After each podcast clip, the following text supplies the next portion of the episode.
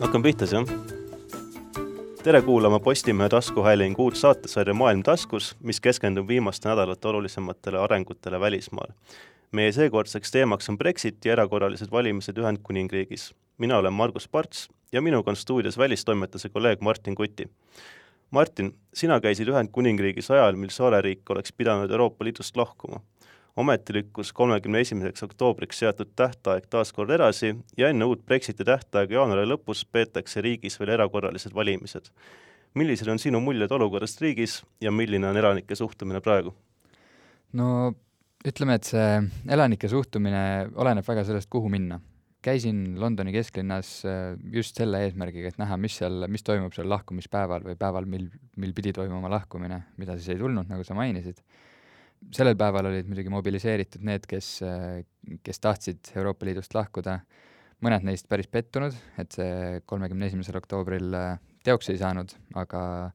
samas oli ka neid, kes ütlesid, et, et see ajapikendus ei ole kõige halvem variant, et, et kuna praegune Brexiti lepe, Johnsoni lepe siis on, on sedavõrd halb, et, et nemad tahaksid hoopis midagi muud näha ütleme, et piirkonniti erineb väga see, et kas on äh, tegu siis niisugune jääjate piirkonnaga või lahkujate piirkonnaga, et noh, London muidu on, on ju tuntud selle poolest, et, et nemad tahtsid jääda Euroopa Liitu. mida siis need inimesed loodavad selles uues leppes näha, sellepärast et me teame kõik, et äh, see kemplemine Euroopa Liidu ja Londoni vahel on kestnud ju juba mitu aastat ja leppe ümbertegemine ei ole ju niisama lihtne, et äh, kuidas nad siis loodaksid selle olukorra lahendada paistab, et teatud osa inimestest oli, oli väga rahulolematu igasuguste kaubanduskokkulepetega ja, ja, ja ka Iiri piiri küsimusega, et äh, seda muidugi vastust ei saanud, äh, mida nad seal täpselt tahaksid muuta, aga nad ütlevad, et, et see ei ole piisav. et, et lihtsalt ei, see lepe ei sobi neile. tihtipeale on, ongi rahva hinnang ja arvamus piirdubki sellega, et, et vot see ei ole piisav, tehke parem ma arvan, et see, see on puhtalt selline poliitikute mängumaa, et kuhu nad peavad, kuhu nad peavad sellega jõudma niimoodi, et oleksid kõik osapooled rahul, eriti võtta just see Iiri piiri küsimus, et et väga keeruline, kui sul on tegelikult mitu erinevat osapoolt seal, on Euroopa Liit, eks, on, on Põhja-Iirimaa, seal on erinevad poliitilised jõud ja ka siis Eh, Inglismaa poole pealt siis just äh, suurparteid ja, ja valitsus, et et ne-, et näiteks kolm-neli osapoolt oleksid äh,, oleksid samal ajal rahul, kuidas see piiriküsimus lahendatakse, et noh, see see nõuab väga tõsiselt kompromisse ja kas üldse on võimalik leida lahendust sellele, et, et kõik oleksid rahul, et keegi on ikkagi lõpuks, lõpuks õnnetu. jah, kas või viiskümmend protsenti inimesi, kes hääletasid Euroopa Liidust lahkumist no, vastu. aga noh, selle patiseisu lahendamiseks on nüüd peaminister Boris Johnson teatanud, et äh, peetakse ennetähtaegsed valimised kaheteistkümnendal detsembril ja äkki sa annad väikse ülevaate, et mida nendest valimistelt üldse võiks oodata? ma arvan, et tegu on ühtede väga huvitavate valimistega ja võib-olla viima-, viimase aja kõige huvitavamatega Briti saartel, et et seal on äh, väga palju erinevaid väikeseid faktoreid, mis võivad mängida siin nüüd. Äh, kui me vaatame näiteks konservatiive, kellel praegu siis näiteks äh, küsitlused ja kihlveokontorid ennustavad, et nad need valimised võidavad,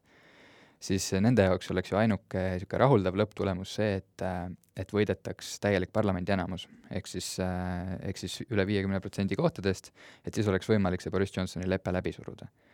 aga kui me vaatame nüüd, mis kaks tuhat seitseteist valimistel toimus, kui Theresa May need välja kuulutas, siis äh, jäädi ju parlamendi enamusest ilma ja tuli valitseda koos Põhja-Iiri unionistidega. ja praegu, kui me nüüd vaatame seda, et Boris Johnson ei suutnud äh, ellu viia oma lubadust viia Ühendkuningriik siis Euroopa Liidust välja kolmekümne esimeseks oktoobriks, et see võib tulla teda väga valusalt hammustama nüüd kampaania ajal, et ta ei ole suutnud oma lubadust täita ja see võib omakorda tähendada, et enamuseks äh, hääli kokku ei saada, sest meil on ka teised väiksemad jõud, ärme unustame ka muidugi Laboriste, kellel on kellel on lootused kõrged, aga kellel paistab, et äh, Jeremy Corbyni ehk erakonna liidri isiksus siis äh, pärsib neid võimalusi midagi suurt saavutada. et meil on ka tegelikult olemas liberaaldemokraadid ja, ja ka Brexiti partei, kellele, kelle otsa nagu päris äh, tõsiselt vaadatakse, et liberaaldemokraadid võib-olla esindavad sellist mõõdukamat liini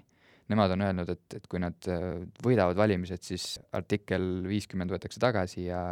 britid ei lähe Euroopa Liidust mitte kuskile. Brexiti partei, vastupidi, nemad äh, oleksid valmis väga kõva Brexitiga ja, ja sealt lihtsalt minema jalutama. ja samas on seal igasugused erinevad võimuliidu võimalused siis peale valimisi, et olenevalt, mida need tulemused näitavad, et Brexiti partei äh, on ju vähemalt hellitanud lootust, et, et teha konservatiividega koos midagi. Johnson tunneb, et see on kahjulik, on selle ära öelnud, liberaaldemokraadid samas on valmis ka noh, koalitsiooni minema teatud, teatud erakondadega, et siin on näiteks kihlveokontorid jällegi ütlevad, et kõige tõenäolisem oleks, et kui liberaaldemokraadid üldse valitsust hakkavad moodustama, et siis on nad äh, pundis Laboristide ja Šoti äh, rahvusparteiga, et no see on jällegi niisugune väga huvitav kooslus, eriti brittide puhul, kus äh, me ju teame, et, et tavaliselt on, ajalooliselt on suur partei üksinda valitsuses, siis üksinda võimu, et koalitsioonid ei ole väga, väga levinud lahendused seal no kui vaadata arvamusküsitlusi, siis leiboristidele ennustatakse teist kohta ja liberaaldemokraadid koos Brexiti parteiga on kuskil kümne protsendi kandis. ja tooridel siis peaks olema umbes nelikümmend protsenti toetust.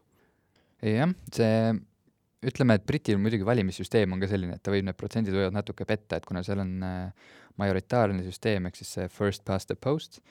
kus siis igas ringkonnas et äh, igast ringkonnast osutub valituks üks kandidaat ja ülejäänud tegelikult need vähemuse hääled lähevad kaotsi, et siis kui vaadata ka varasemaid äh, valimistulemusi, siis need ütleme, et protsendid ei lähe alati kokku kohtade arvuga, mis saadakse lõpuks. et sellepärast on seal küllalt keeruline ette ennustada, aga jah, ma ütleks, et Brexiti partei on väga, väga huvitav praeguses olukorras, sellepärast et nemad äh, kindlasti on väga selgelt välja kalkuleerinud, et milliseid ringkondi tasub neil nagu kõige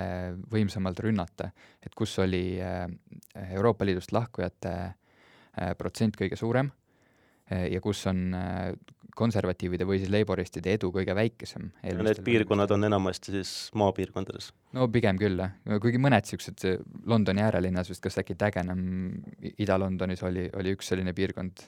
kus tegelikult hääletati vägagi äh, Euroopa Liidust lahkumise poolt. niisuguseid väikseid erandeid on, aga peamiselt jah, maapiirkonnad või niisugused väiksemad linnad. kui me näeme, et äh, mida Nigel Farage, siis Brexiti partei juht, ütles, et tema äh, ei kavatse ise kandideerida, vaid tema läheb toetama niisugusele suurele tuurile siis üle terve riigi, et toetada oma partei kandidaate, et see, see annab väga selge signaali, et nad üritavad niimoodi suurelt peale lennata, et nad ei hakka võtma sealt üksikuid kohti kuskil ringkondades, kus nad teavad, et nad kindlasti võidavad, vaid nad üritavad midagi suuremat korda saata, et see võib muidugi konservatiividele pärast olla päris, päris valus, et kui nad ei peaks saama enamust, et kellega nad siis koalitsiooni moodustavad sest Põhja-Iiri uni-, unionistid on tõenäoliselt välja vihastatud, kuna Johnson ju viimase Brexiti leppe puhul sõitis neist mõnes mõttes üle ja kui Brexiti partei hakkab ütlema ja parlamendis vastu hääletama Johnsoni leppele, siis võime me olla täpselt samasuguses olukorras, mida tegelikult Johnson üritas nüüd nende erakorraliste valimistega lahendada jah, ühesõnaga, et Brexiti partei, kes sooviks kiiret Brexitit, võib tegelikult saada Brexiti edasilükkamise põhjuseks. jaa, täpselt, et see võib minna no, täiesti, täiesti vastupidiselt kui me vaatame Euroopa Parlamendi valimiste tulemusi, siis Brexiti partei võitis selle üsna võimsalt, nad vist said kolmkümmend protsenti toetusest.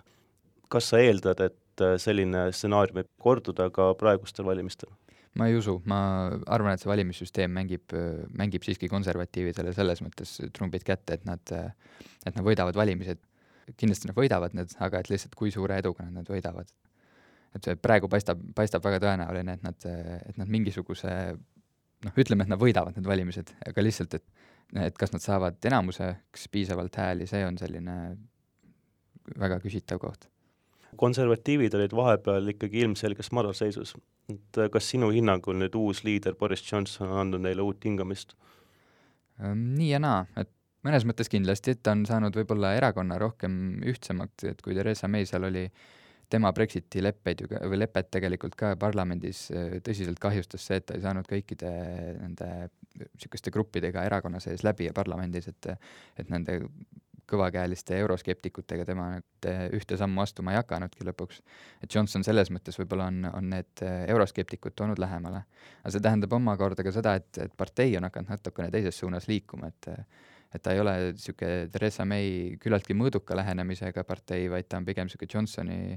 mõnes mõttes populistlik, mõnes mõttes selline kuidagi piiri peal mängiv partei, et just Brexitit vaadates, et, et just see suur soov jätta lauale lepete lahkumine ja ja sellisest ebakindlust tekitada, et seda poliitilise kasu nimel ära, ära kasutada, siis et, et need on võib-olla muudatused, mis, mis, mida me näinud oleme. Aga samas ega konservatiivid on siin olnud ka hädas skandaalidega, mis siin tegelikult valimiskampaania ei ole veel päris õieti alanudki, et et parlament on nüüdseks laiali saadetud ja, ja valimiskampaania hakkab, hakkab tuure sisse saama, aga mõlemad suured parteid alustasid seda küllaltki vara. Äh, Corbyn siis oma suure eliidivastase kõnega ja, ja Johnsongi hakkas erinevaid ringkäike tegemas, tegema kohtades, mis siis peaks olema konservatiivide platvormi jaoks äh, olulised, igasugused haiglad ja politseijaoskonnad ja aga need skandaalid on äh, üks neist, mis võib-olla meie noh, eestlasi siin puudutab, on, on Venemaa sekkumisest, on valminud parlamendi raport kus siis äh, erinevad julgeolekuasutused, luureagentuurid äh, võtsid kokku, et, et kuidas Venemaa üritas äh, väidetavalt siis mõjutada nii Brexiti referendumi tulemust kui ka kaks tuhat seitseteist aasta valimistulemust. ja Johnson mingil põhjusel on otsustanud seda mitte avaldada. et see raport tegelikult seitseteist oktoober juba edastati valitsusele, et, et palun tehke avalikuks, Johnson siiamaani pole seda teinud ja nüüd, kui parlament on laiali saadetud enne valimisi, et siis äh, on, on selline jälle, jällegi õiguslik rägastik, et kas nad võivad selle nüüd avaldada. seal äh, Laboristid on hakanud süüdistama, et see paneb äh, konservatiivid halba valgusesse, see raport, kuna seal on juttu sellest, kuidas väidetavalt konservatiivide kõrged poliitikud ja, ja nõunikud siis, et millised sidemed neil Venemaaga on. Laboristid siis ütlevad, et võimupartei üritab varjata äh, erinevaid fakte ja informatsiooni enne valimisi, et siis mitte oma positsiooni kahjustada. et see on kahtlemata asi, mida Johnson võiks siis äh, selguse huvides ära klaarida. paratamatult tekib tunne, nagu ta muretseks, et sealt tuleb välja midagi, mis sealt, mis neile valimistel väga palju kurja teeb. ja siin on veel neid äh, skandaale, mis The Guardian just mõni päev tagasi siin äh, avaldas ühe lekkinud dokumendi, kus oli räägitud sellest, et, et kuidas konservatiivide siis partei nii-öelda keskus või juhtkond andis oma kandidaatidele soovituse mitte anda teatud lubadusi valimiskampaania jooksul siis, mis on tegelikult lubadused, mis, mis jooksevad kokku konservatiivide eesmärkidega valimistel või seda, mida nad tegelikult rahvale suures plaanis lubavad, aga palus mitte anda niisuguseid spetsiifilisi lubadusi, et seal on näiteks, et kui, kui on süüdistatud ähm, Johnsonit ja, ja konservatiive soovis äh, tervishoiusüsteemi ehk siis selle NHS-iga kaubelda, erastada see ja anda see, anda Ameerika ettevõtetele võimalus seal oma, oma teenuseid müüa, et siis, et selle osas näiteks ei taheta mingisuguseid kindlaid lubadusi välja anda, siis kliimamuutuste osas mitte lubadusi anda, naiste pensioniea osas mitte lubadusi anda ja ja ka öeldi, et Brexiti osas ei tasuks lubadusi anda, et see on nagunii meie, meie valimisprogrammis sees, et kui on konservatiivide enamus, siis, siis tuleb ka Brexit. Räägime ka kolmandast skandaalist, mis siis äh, mille tõi esile siis Jacob Rees-Mogg, kes on küllaltki mõjukas konservatiiv ja äh, tema otsustas raadiosaates öelda, et Grenfell Toweri traagilises põlengus hukkunud olid põhimõtteliselt ise rumalad, et nad sealt hoonest välja ei kõndinud. et kuigi tegelikult neil oli äh, tuletõrjujate poolt antud korraldus, et jääge paigale, me tuleme teile appi, et, et miks nad ei kasutanud oma niisugust kainet mõistust ja miks nad sealt välja ei kõndinud, et see on niisugune mõnes mõttes on, on need lihtsalt sõnad, aga teistpidi on, on Rees-Mogg on selline näide eliidi esindajast ja konservatiivist, kes on niisugune pärit rikkast piirkonnast, rikkast perekonnast, käinud Eatonis, käinud Oxfordis, selline kõige tüüpilisem võib-olla konservatiivi stereotüüp, niisugune vanamaalise konservatiivi stereotüüp, et kes ei suuda rahvaga samale lainele jõuda, et kriitikud ongi nüüd selle peale öelnud, et Rees-Moggil puudub igasugune empaatiavõime ja ja võime mõista, mõista teist inimest või neidki, kes on, kes on kehvemas äh, positsioonis ühiskonnas. et ma arvan, et selline, ta on plekk kindlasti, võib-olla kui ta ei ole siin, ei oma võib-olla kõige suuremat tähtsust, siis kindlasti on ta plekk erakonna ja ka Rees-Moggi mainele. Mulle tundub, et konservatiivid on viimastel aastatel olnudki silmapaistvad selle poolest, et nad on üsna kaugenenud tegelikult keskmise Briti maailmavaatest ja üritanud läbi suruda asju, mis on teatud klikile kasulikud, aga mis tihti ei arvesta väga suure osaga rahvast. et kui sa käisid nüüd Ühendkuningriigis, siis äh, kuidas sulle tundub inimestega rääkides, et kas äh, Brexiti teema on endiselt samavõrra laual kui näiteks kaks aastat tagasi või on inimesed sellest pigem tüdinud ja keskendunud rohkem sisepoliitilistele küsimustele, näiteks sellesama tervishoiusüsteemi reformile, mida sa mainisid enne? Inimesed on kindlasti Brexitist tüdinud, aga samas äh, mulle tundub, et see on üks äh, ikkagi valimiste peateemasid, et Brexit läheb vägagi inimestele korda. seal oligi, naljakalt jooksid lahku ekspertide arvamused, kellega ma rääkisin, ja siis rahva arvamused. eksperdid arvasid, et valimiste peateema tuleb hoopiski midagi just sisepoliitilist, kas, kas tervishoiusüsteem, kuritegevusega võitlemine, haridus, et seal on olnud ka ju juttu erakoolidest, et kui, kui mõttekad need on, on ju. Nemad arvasid seda, rahvas jällegi ütles, et, et nende noh, peamise põhjusena, miks nad kellegi poolt hääletavad, et, et selleks põhjuseks on Brexit, et kas siis Brexit ära teha või siis Brexit ära jätta. et see on selline väga huvitav lõhe seal, et ma usun, ma ütleks küll praegu, et, et Brexit on, on täpselt samamoodi päevakorras, nagu ta oli mõni aasta tagasi. Võib-olla tooksin paralleeli ka, ka Eestiga, et inimesed on, on poliitikas rohkem sees, nagu ka Eestis nüüd peale või noh, enne valimisi nüüd, kui tekkis olukord, kus EKRE võib saavutada suurema mõjuvõimu ja siis, kui, kui EKRE hakkas valitsusse saama, et et inimesed on hakanud poliitikast palju rohkem rääkima, palju rohkem arutlema ja, ja kõigil on mingisugune arvamus tekkinud, et, et samamoodi tundub ka Ühendkuningriigis, et, et inimestel on Brexiti osas kindel arvamus olemas, olgu see siis pooldav või, või sellele vastuolek või siis et tahaks selle ära jätta, tahaks seda edasi lükata, mis iganes, et mingisugune niisugune teadlikkuse tõus, et seda võib märgata küll. kui vahepeal on siin ilmunud päris hirmsaid raporteid selle kohta, milline mõju võib olla Brexitil, eriti järsul Brexitil, siis äh, Suurbritannia igapäevaelu toimimisele, alates siis äh, toidu- ja meditsiinitarvete puudujääkidest kuni igasuguste tolliküsimusteni, siis äh, kuidas sulle tundub, et kas need kolm kuud, mis on praegu antud nii-öelda armuaega, on andnud Ühendkuningriigile võimaluse oma valmisolekut parandada? ütleme, et äh, kõige kahjulikemaid mõjusid ju ennustatakse lepete Brexiti puhuks, mis siis äh, noh, praeguse seisuga ta nagu väga laual ei ole. tegelikult on see loomulikult, äh, see võimalus on olemas, et see eeldab, et midagi ka ära tehtaks, et lepete Brexit ära jääks. aga ma ütleks, et võib-olla kõige suurem probleem on, on ebastabiilsus, mida toob teadmatus. et inimesed ja eelkõige ettevõtted, nad ei tea, mis saab edasi, kuidas valmistuda, kas, kas olla valmis leppeta Brexitiks, olla valmis leppega Brexitiks, olla valmis selleks, et mitte midagi üldse ei muutu ja asjad jäävad nii, nagu nad on. et selles mõttes ma ütlen, et, et ka need äh, valimiste korraldamine praegu ei ole halb mõte, et et see, praegu oleme ka juba jõudnud olukorda, et äh, kus ükskõik milline otsus põhimõtteliselt oleks juba parem kui, kui see otsustamatus, mis, mis praegu valitseb et äh, pigem tulgu siis kolmkümmend üks jaanuar, mis otsus iganes tuleb, aga peaasi, et oleks otsus tehtud. Mina jällegi eestlase ja, ja eurooplasena ütlen, et, et see lepeta Brexit ei, ei oleks kõige parem variant, aga aga ma usun, et kohalikud ettevõtted just suudaksid nagu olukorraga kohaneda, nad noh, võib-olla on see kolm kuud, on, on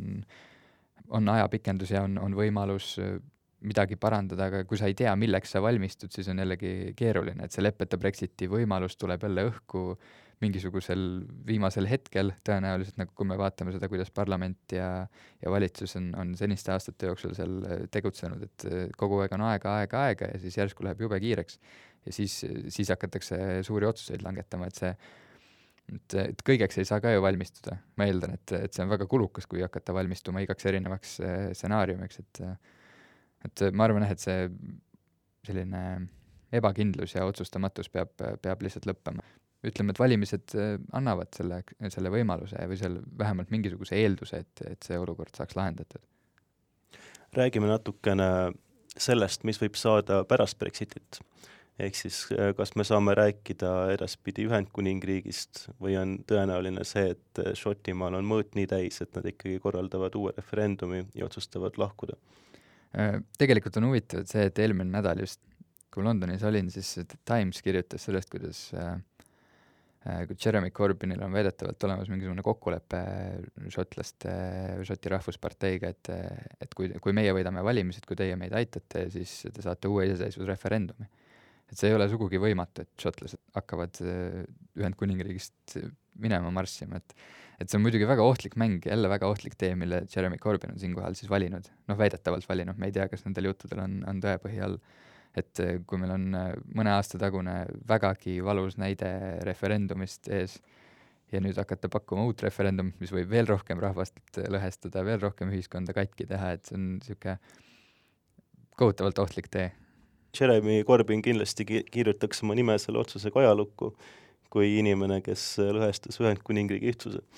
Praegu on seal David Cameroni nimi on seal ees praegu, et ta saaks siis Cameroni kõrvale ennast ilusti kirjutada. Nad võivad konkureerida siis selle, selle, selle osas, kes on suutnud kõige rohkem kahju põhjustada jah, et see on selline rääkisin ka ekspertidega seal, kes ütlesid, et noh, et me ei saa rääkida katkisest ühiskonnast, aga lihtsalt väga suurtest erimeelsustest ühiskonnas ja tegelikult ega mis see hea variant siit praegu välja on? meil ju, kui Brexit toimub, on pool rahvast õnnetu, kui Brexit ei toimu, on pool rahvast õnnetu. et, et justkui oleks selline eneseleidmise tee, mille lõpptulemusena siis tõdetakse, et, et pagan, see oli ikka rumal otsus meil kaks tuhat kuusteist aastal. et ja samas ka väga suur õppetund selle kohta, et rahva arvamust ei tasu iga asja kohta küsida, kui sul ei ole otseselt midagi valesti, ära hakka seda muutma. Just see, et, et Cameron ju läks rääkima läbi enne, enne referendumit, see oli juba kaks tuhat kolmteist vist, ta lubas välja selle, et et äh, me peame reformima Euroopa Liidu ja Ühendkuningriigi suhteid. Läks, rääkis läbi Euroopa Liiduga, sai paremad tingimused ja tegelikult ju referendumile läkski variant ju see, et, et me jääme Euroopa Liitu ja me hakkame tegutsema nende uute reeglite alusel. Nüüd on jällegi küsimus see, et kas, kas siis, kui need edusammud läbirääkimistel oleksid olnud võimsamad, mis oleks Äh, rahvast rõõmustanud, kas see oleks midagi muutnud, kas see referendumi tulemus oleks olnud teistsugune. samas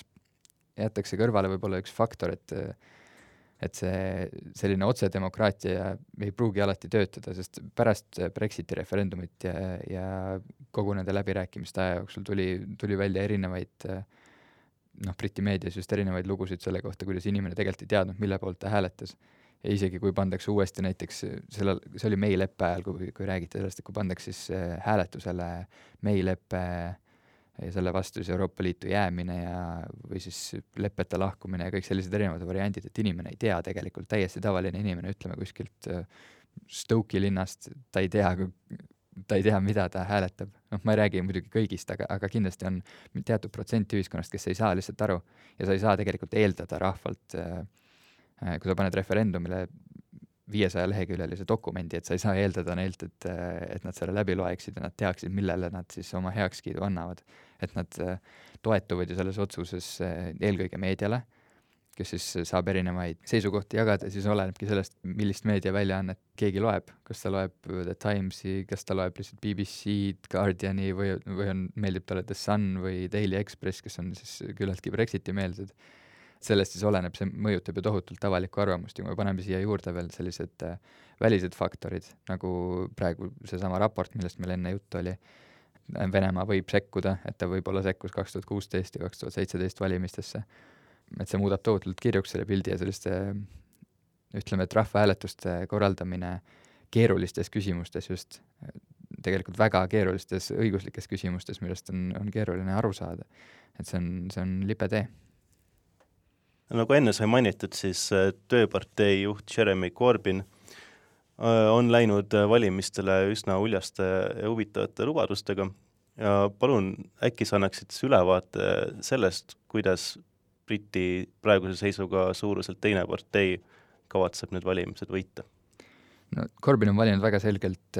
vastandumise tee nagu ka Johnson tegelikult, Johnson vastandub siis parlamendile, paha parlament, kes ei lubanud mul lahkumislepet äh, läbi suruda. Äh, Corbyn on, on võtnud sihikule eliidi ja rikkama osa ühiskonnast, pankurid on tema rünnaku alla sattunud ja see on tegelikult äh, nagu Ian Bond, Center for European Reformi teadur, siis äh, mul Londonis ka ütles, et Corbyn on tegelikult valinud väga vasakpopulistliku äh, platvormi, millelt siis oma kampaaniat teha ja